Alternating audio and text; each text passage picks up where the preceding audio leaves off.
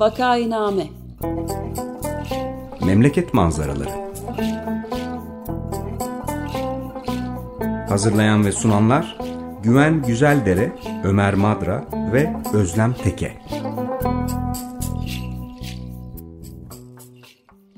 Günaydın Vakainame'ye hoş geldiniz. 95 FM Açık Radyo'dasınız.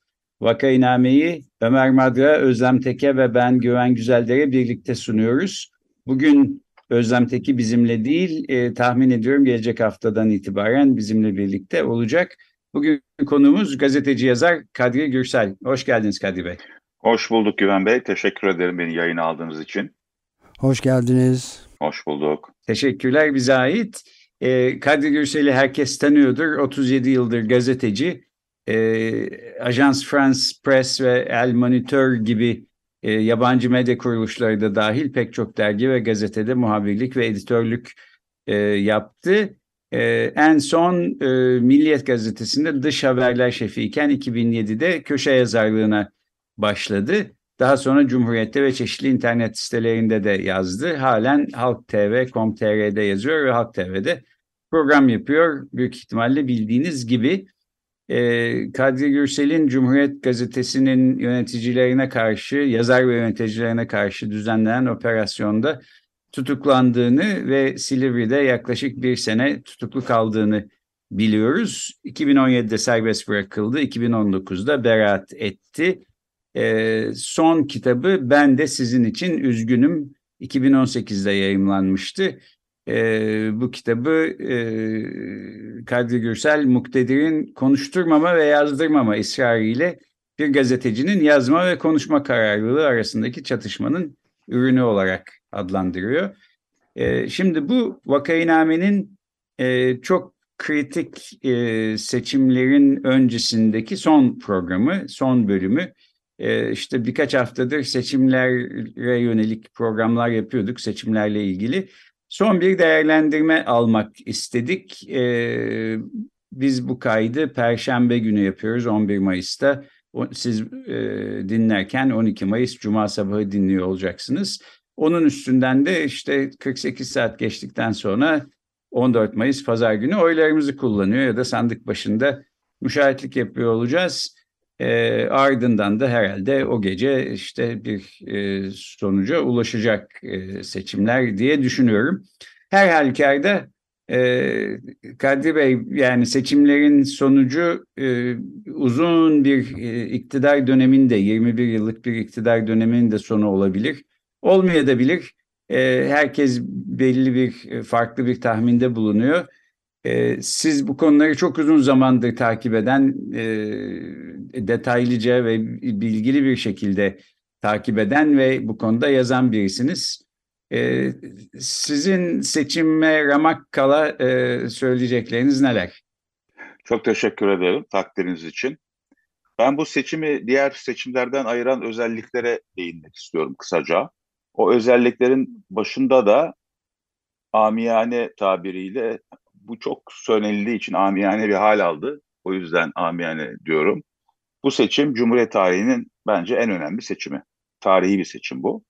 Çünkü bu seçimler sonucunda Cumhuriyet tarihinde ilk kez toplum, seçmenlerin önemli bir bölümü, sivil siyaset sınıfı, demokratik yollardan bir otoriter rejimi değiştirecek, tasfiye edecek. Ben bunun Türkiye'de olacağını, olabileceğini öteden beri söylüyorum.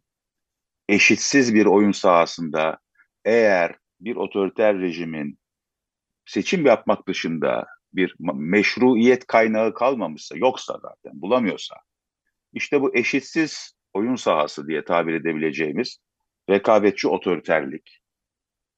Bu oyun sahasında biraz tarif edelim. İşte e, demokratik e, demokratik güçler takımının kalesi kocaman. Efendim e, iktidardaki otoriter gücün kalesi küçük.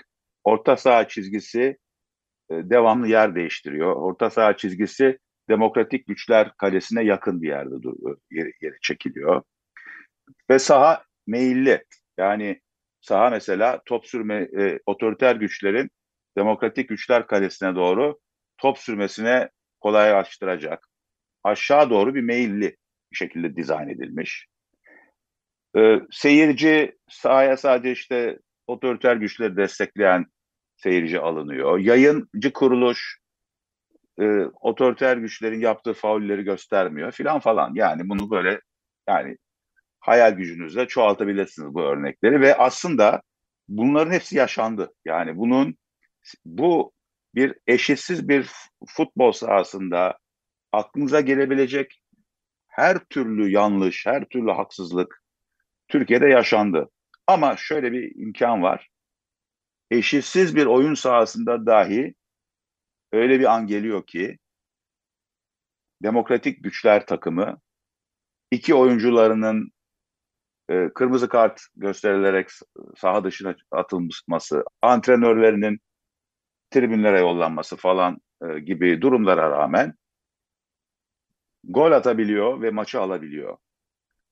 Atılan bazı goller sayılmıyor, bir daha gol atıyor, bir daha gol atıyor ve maçı aldı. Biz bu noktadayız işte şimdi. Ve bu olacak. Ben bunun olacağına sadece inanmıyorum. Ben bunu olacağını argümanlarla destekleyerek açıklıyorum, anlatıyorum. Bu bir inanç, bir temenni değil. Şu açıdan çok önemli, çok değerli bir anın eşiğindeyiz bence. Şimdi Türkiye'ye, Türkiye e, tarihini son e, 150-200 yıldır konjonktürler, dış konjonktürler çok etkiledi ve kimi zaman belirledi. Misal çok yakına gidelim. İşte 1946'da ilk çok partili seçim yapıldı. Gerçek bir seçim değildi belki ama bizim çok partili hayata geçişimiz soğuk savaş atmosferi, soğuk savaş denkleminde mümkün oldu. Bir dış bağlam sayesinde gerçekleşti. Çok partili hayat ve demokrasiye geçişimiz. 1980 darbesinin de gerçekleşmesinde bir dış faktör etkisi çok açık, çok bellidir. Ama aynı zamanda dış olayların da domino etkisi çok e, barizdir orada görülür. Afganistan'ın Sovyetler tarafından işgali, İran'da Şah'ın devrilmesi ve sonra Irak'ta Saddam'ın ortağı olduğu gücü tamamen ele geçirmesi 79'a 80'de de Türkiye'de darbe oldu. Tabii bu tek açıklayıcı değil. Başka nedenleri birçok iç nedenleri var. Burada ilk defa oraya getireceğim. Yani sözü bunu örnekleri o yüzden verdim.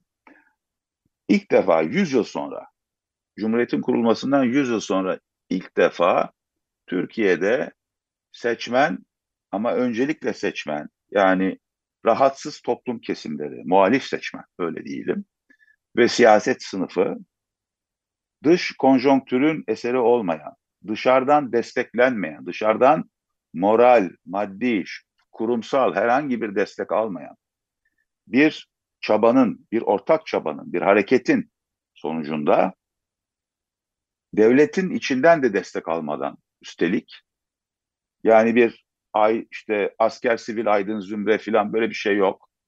Aydınlanmış askerler efendim e, ilerici bürokratlar falan yok böyle bir şey. Daha önce rol oynamışlardı. Bunlar Türkiye'deki siyasi kavşaklarda değişim anlarında. E şimdi böyle bir şey yok. Bu tamamen bir halk hareketi. Ben bunun halk hareketi olduğunu e, olduğunu şu açıdan iddia ediyorum. Bu bu öyle zarif bir halk hareketi ki siyaseti yönlendirdi. Bakın siyasi liderlerin yanlışlarını önledi. Onların pozisyonlarını tahkim etti ve siyasi liderler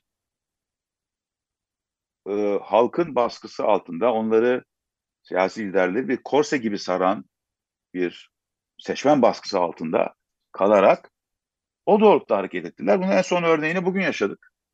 Muharrem İnce. Ben hiç katılmıyorum işte Muharrem İnce'nin efendim kasettir, şudur budur e, ya da şantaj ve tehditle adaylıktan çekilmeye zorlandığına bu bütün gelişmeleri komplolarla açıklayan insanların ancak e, kabul edebileceği bir ya da bundan bir siyasi fayda umanların. Yani Muharrem İnce'nin gidişin e, adaylıktan çekilmesinden açığa çıkacak e, oyların muhalefete yönelmesini önlemek için bir mağduriyet öyküsü yaratmak isteyenlerin hesabına gelir, işine gelir. Böyle bir şey yok. Bu Muharrem İnce'nin oylarındaki dramatik düşüş de işte yine Muharrem İnce'ye Muharrem İnce'nin seçmen tarafından verilmiş bir şekil mesajıdır. Muharrem İnce'yi yalnızlaştırarak 14 Mayıs akşamı rezil etmektense şimdi onurlu bir çıkış e, yolu açmıştır seçmen. Bu bakımdan ben 14 Mayıs seçimlerini seçmenin e, gerçekten hakimiyetinde, yol göstericiliğinde, iradesinin büyük yol göstericiliği altında diyelim ona bir e, gidilen bir seçim olduğu kanaatindeyim. Bu bu bence Türkiye'de ilk defa oluyor böyle bir şey. Yani seçmen gerçekten artık değişim istiyor Türkiye'de ve ben seçmenin 10 yıllardır diyeceğiz artık 20 2021'deyiz ama özellikle son 10 12 yıldır çok hiddetlenen, şiddetlenen bu e, devamlı çatışma, hırgür, kavga, kutuplaşma ortamından da bıktığının, sıtkının sıyrıldığının farkındayım. Seçmen artık barış istiyor, huzur istiyor, normal bir ülkede yaşamak istiyor.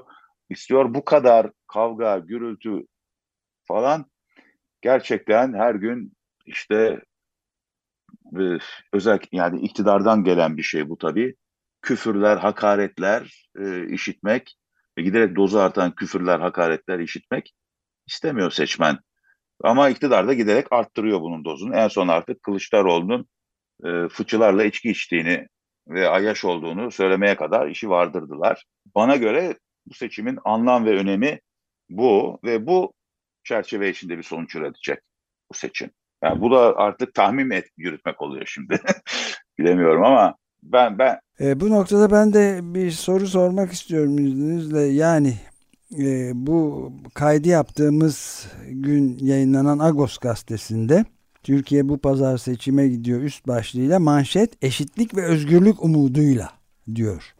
Bu gerçekten de Türkiye'nin gördüğü en önemli seçimlerden biri. Hatta e, sizin de dediğinize ben de katılmaktayım. En büyük önemi taşıyor e, diyebiliriz ve temel mesele de sistemin yani eşitlikçi ve özgürlükçü bir parlamenter demokrasiye nihayet tekrar tam anlamıyla geçilip geçilemeyeceği konusunda çok tayin edici bir rolü var. Fakat bir de ikinci nokta var Agos gazetesinin baş e, şeyinde haberinde yani manşet haberinde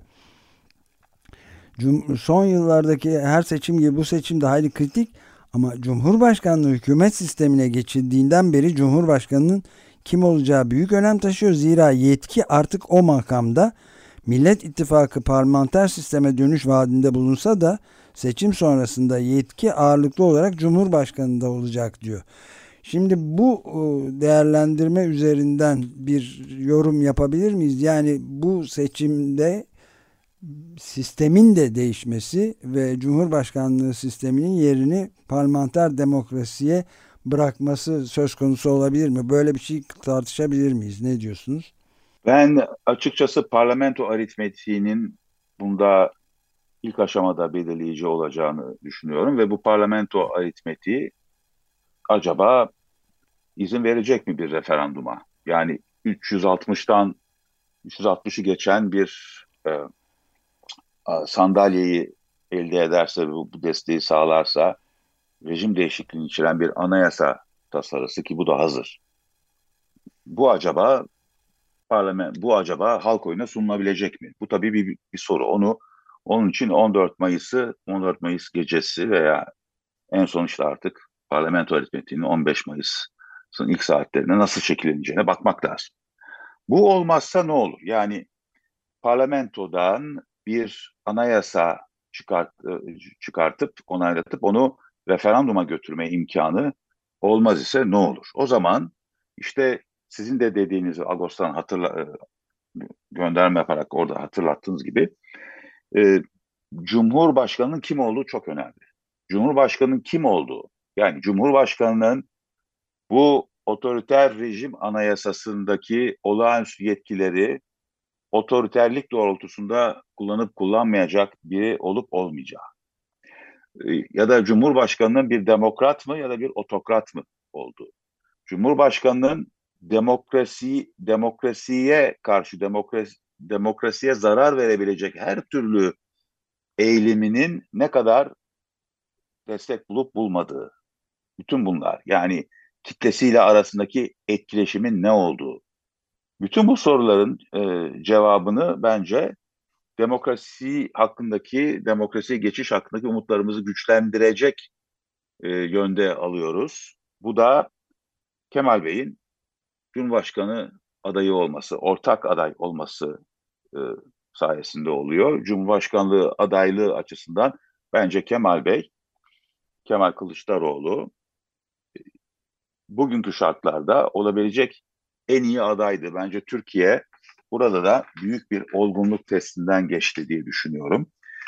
Ee, eğer Adalet ve Kalkınma Partisi yeni bir anayasa yapmak ve ki zaten bunu da işte ucunu gösterdi. Tabii nasıl bir anayasa olacak?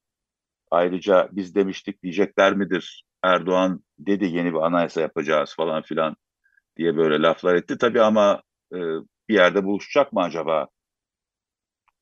Erdoğan ve Adalet ve Kalkınma Partisi bu sistemi değiştirmek ve güçlendirilmiş parlamenter rejime geçmek hususunda ki bu saatten sonra, bu aşamadan sonra artık Adalet ve Kalkınma Partisi içinde parlamenter sisteme geçmek bir e, kendi siyasi bekası bakımından bir mecburiyet haline gelmiştir.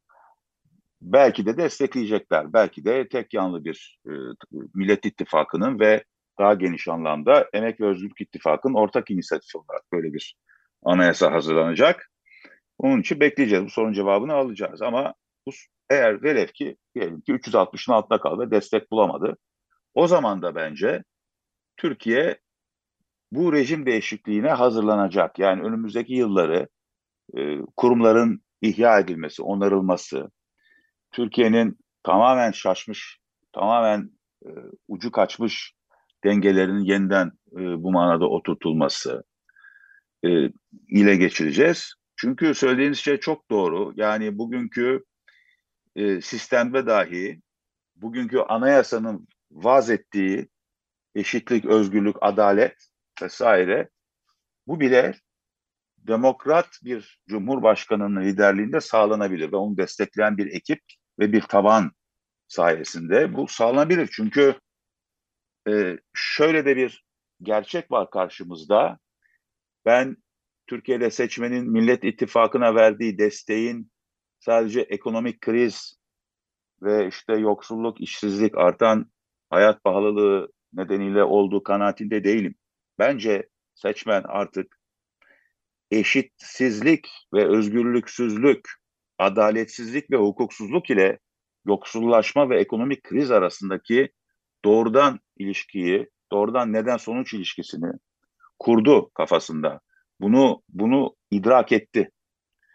Seçmen çoğunluğundan bahsediyorum tabii. Yani daha önce de idrak edilmiştir. Elbette ki toplumun e, münevver zümreleri tarafından, eğitimli kesimleri tarafından.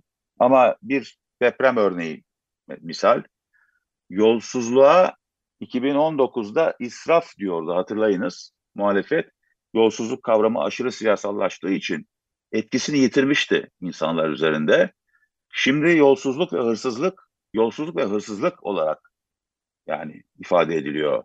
Çünkü yolsuzluğun ve hırsızlığın insanları öldürdüğü de görüldü. İnsanları depremde öldürdüğü, günlerce yıkıntıların altına can çekişerek ölümlerine neden olduğu yolsuzluk ve hırsızlığın görüldü, tecrübe edildi. Türkiye çok çok değerli bir tecrübe edin. Çok büyük ağır bedeller ödeyerek tabii ama evet mesela eşitsizlik dediğimiz şey aslında işte anayasal vatandaşlık, vatandaş buyurduğu eşitlik bunun kaybı Türkiye'de iktidara yakın olmayan tüm kesimlere, iktidarın kendisinden saymadığı tüm kesimlere kurum kurumsal, kamusal her türlü giriş hakkının reddedilmesi. Hmm, ihalelerden dışlanmaları en büyüğünden başlayalım. Ee, personel alımlarından dışlanmaları, tayinlerden dışlanmaları. Yani Türkçe'de güzel iki sözcük var. Dışlamak ve dıştalamak. Yani dışlamak içeride olanın dışa atılması, dışarı dıştalamak da dışarıda olanın içeri hiç alınmaması, dışarıda tutulması. Bu manada bu iktidar sistemik sistematik olarak ve yıllardır aynı şeyi yaptı. Dıştaladı ve dışladı. Özgürlük ve eşitlik hakkını reddetti.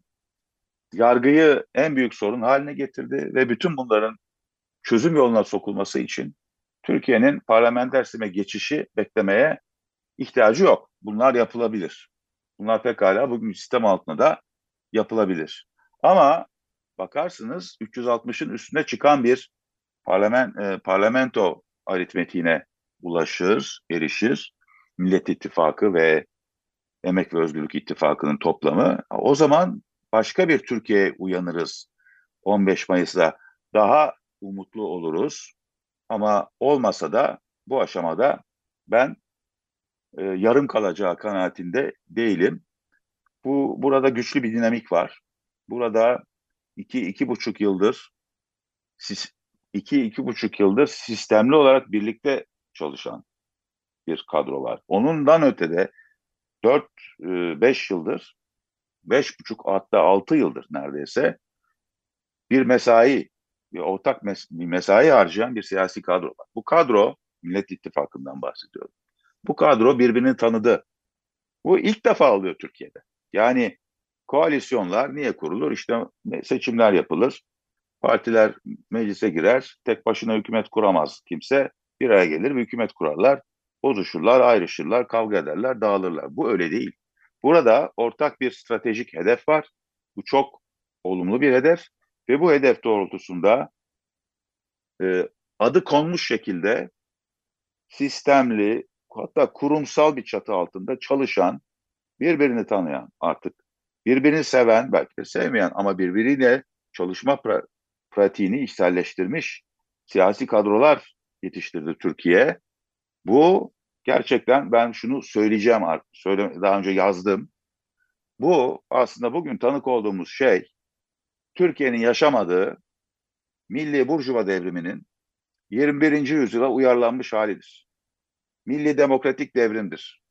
Bu 21. yüzyılda yaşansaydı bu şekilde yaşanırdı. Gerçekten kendi reformlarını, e, büyük demokratik dönüşümünü kendi elleriyle, kendine ait ellerle, kendi zekasıyla ve kendi aklıyla gerçekleştiriyor ve aslında yerleşik, yerleşmiş, kurumsallaşmış batılı demokrasilerde, özgürlükçü demokrasilerde gördüğümüz, bildiğimiz orada bir e, rejimi Türkiye'ye getirmek konusunda da e, tam bir görüş birliği söz konusu.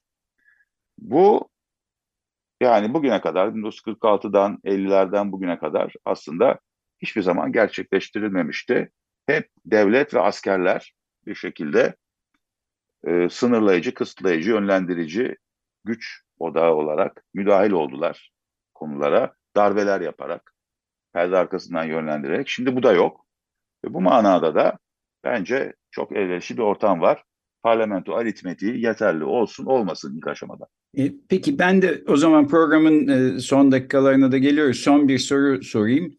Şimdi sizin futbol benzetmenize dönecek olursak muhalefet partisi yokuş yukarı doğru topu sürmeye çalışıyor. İşte sürekli dezavantajlar içinde.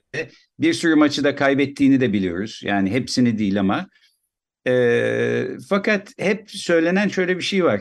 E, muhalefet e, takımının bir isteği vardı maçı kazanmak için. Bu giderek bir ümide dönüştü. Belki kazanabiliriz'e.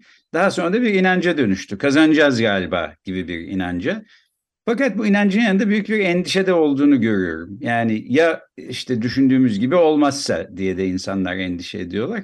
Tabii sizin yaptığınız gibi bir akıl yürütmeyle yani yalnızca bence şu kazanacak ya da bence bu kazanamayacak ya da anket şunu gösteriyor demek yerine şu sebeplerden böyle bir sonuç olabilir deyince insan daha bir bence e, endişeleri hafiflemiş bir şekilde daha ikna oluyor filan. Ben, ben de bu konuda bir şey sormak istiyorum. O da şu.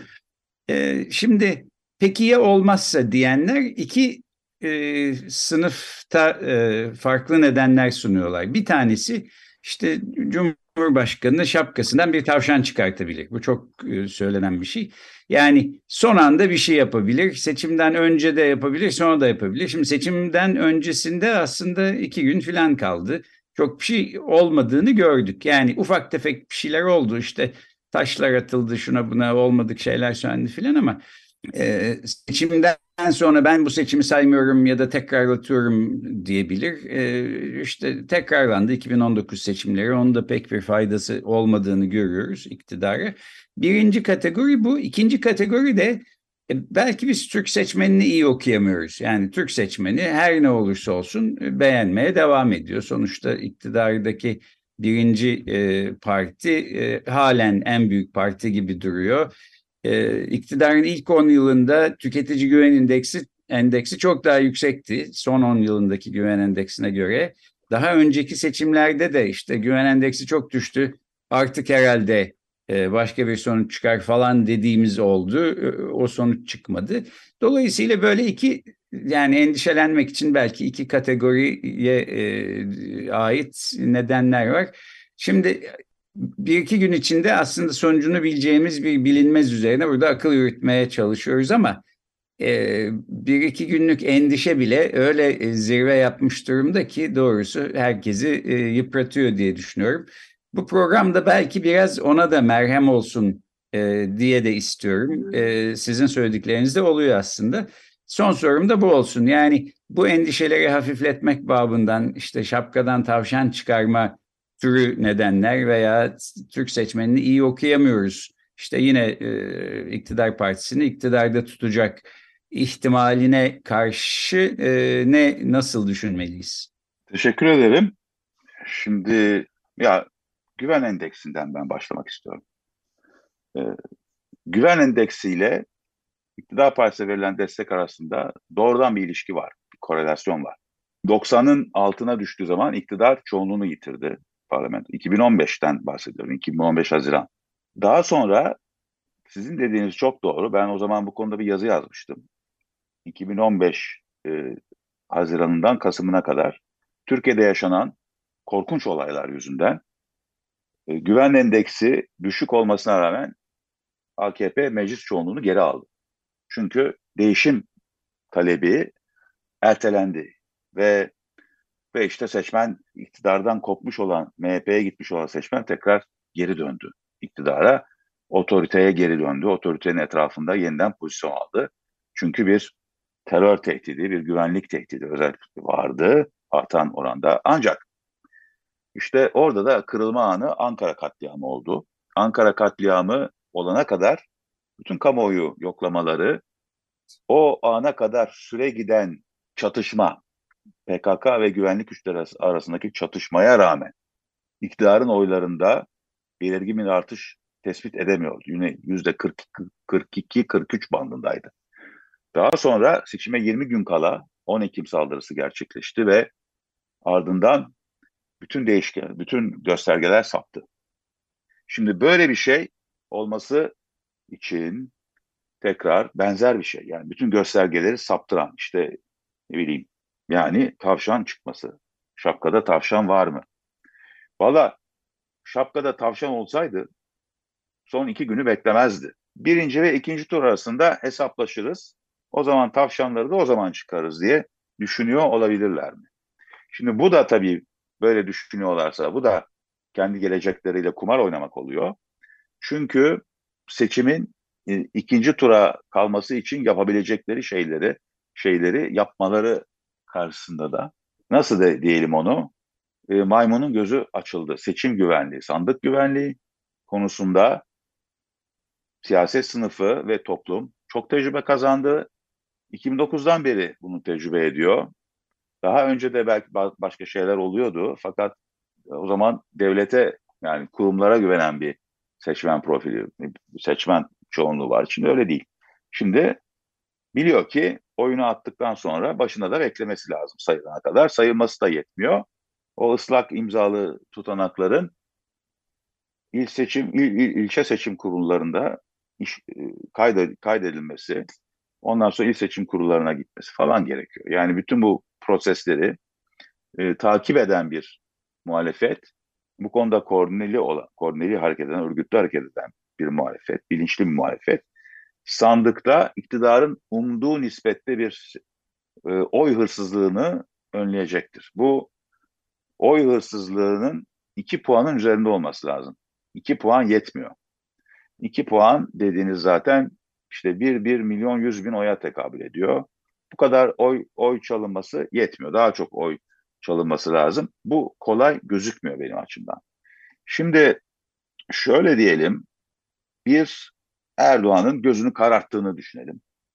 Aklını tamamen yitirdiğini, çıldırdığını, aklını peynir ekmekle yediğini ve işte bu 21 yılda inşa ettiği her şeyin elinden kayıp gitmesine bir türlü razı olamadığını, ebedi bir iktidar düşünürken e, devletin de gerçek sahiplerinin eline geçtiğini ve ve daima orada kalacağını, onla, onların eline kalacağını, 90 yıllık bu parantezi kapattıklarını falan düşünürken hayallerinin böyle şangur şungur aşağı inmesi, yıkılmasını e, hazmedemiyor bu Erdoğan ve ve seçim sonuçlarını tanımamak üzere ülkeyi ateşe atacak e, şeytani planlar peşinde. Belki bunları yaptı ve uygulamaya koydu.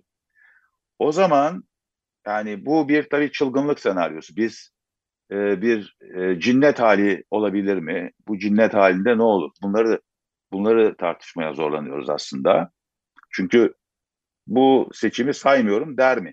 Şimdi bu yabancıların da sorduğu sorular, yabancı gazeteciler, gözlemciler e, falan bunların da sorduğu sorular. Seçimi tanımıyorum der mi? Çünkü siyaset bilimi, pratikler, kitap onlara bu soruyu sormayı öğretmiş.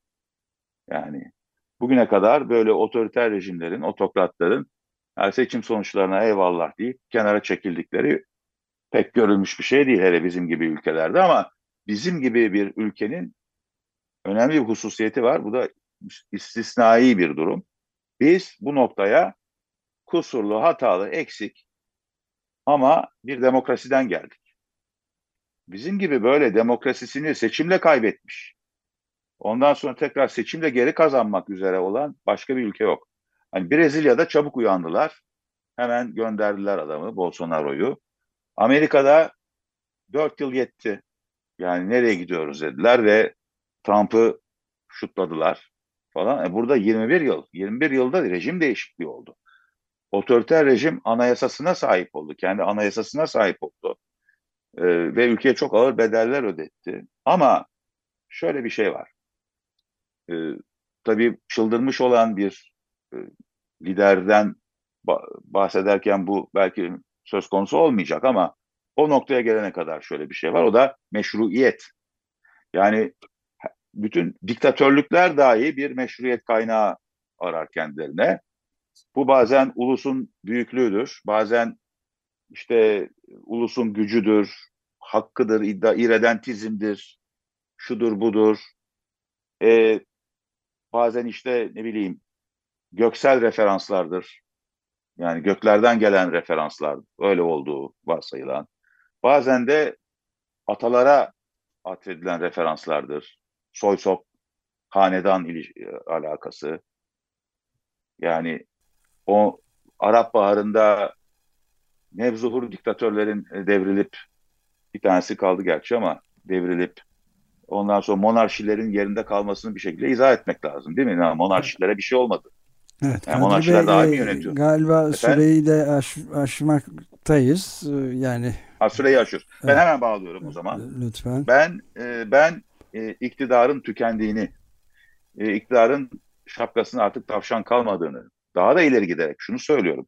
Ben iktidarın ciddi bir mental kifayetsizlik içinde olduğunu, doğru dürüst bir seçim kampanyası yürütemediklerini, seçim kamp kampanyalarında zeka eksikliğinin önemli bir açık oluşturduğunu iddia ediyorum. Ve e, bu iktidarın bir çılgınlığa kalkışıp bu çılgınlığın arkasına durabilecek güç ve kudrete artık sahip olmadığını da iddia ediyorum.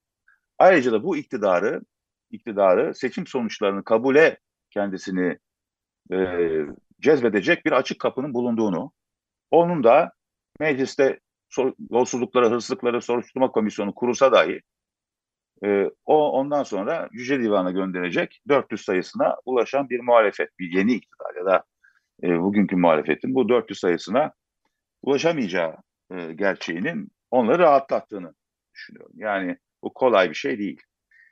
E, bu açıdan da işte otoriter rejimler böyle kolay kolay bırakmazlar e, tezinin Türkiye'de geçerli olmadığı kanaatindeyim. Türkiye'nin kendine özgü koşulları ve daha önce yaşanmış tecrübeler. Seçimi tekrarlatması halinde dahi bunun kendisine çok ağır bir sandık bedeli olarak geri döneceğinin ve yani tecrübe edildiğini, edildiğini görüyoruz 2019'da. O bakımdan benim içim rahat.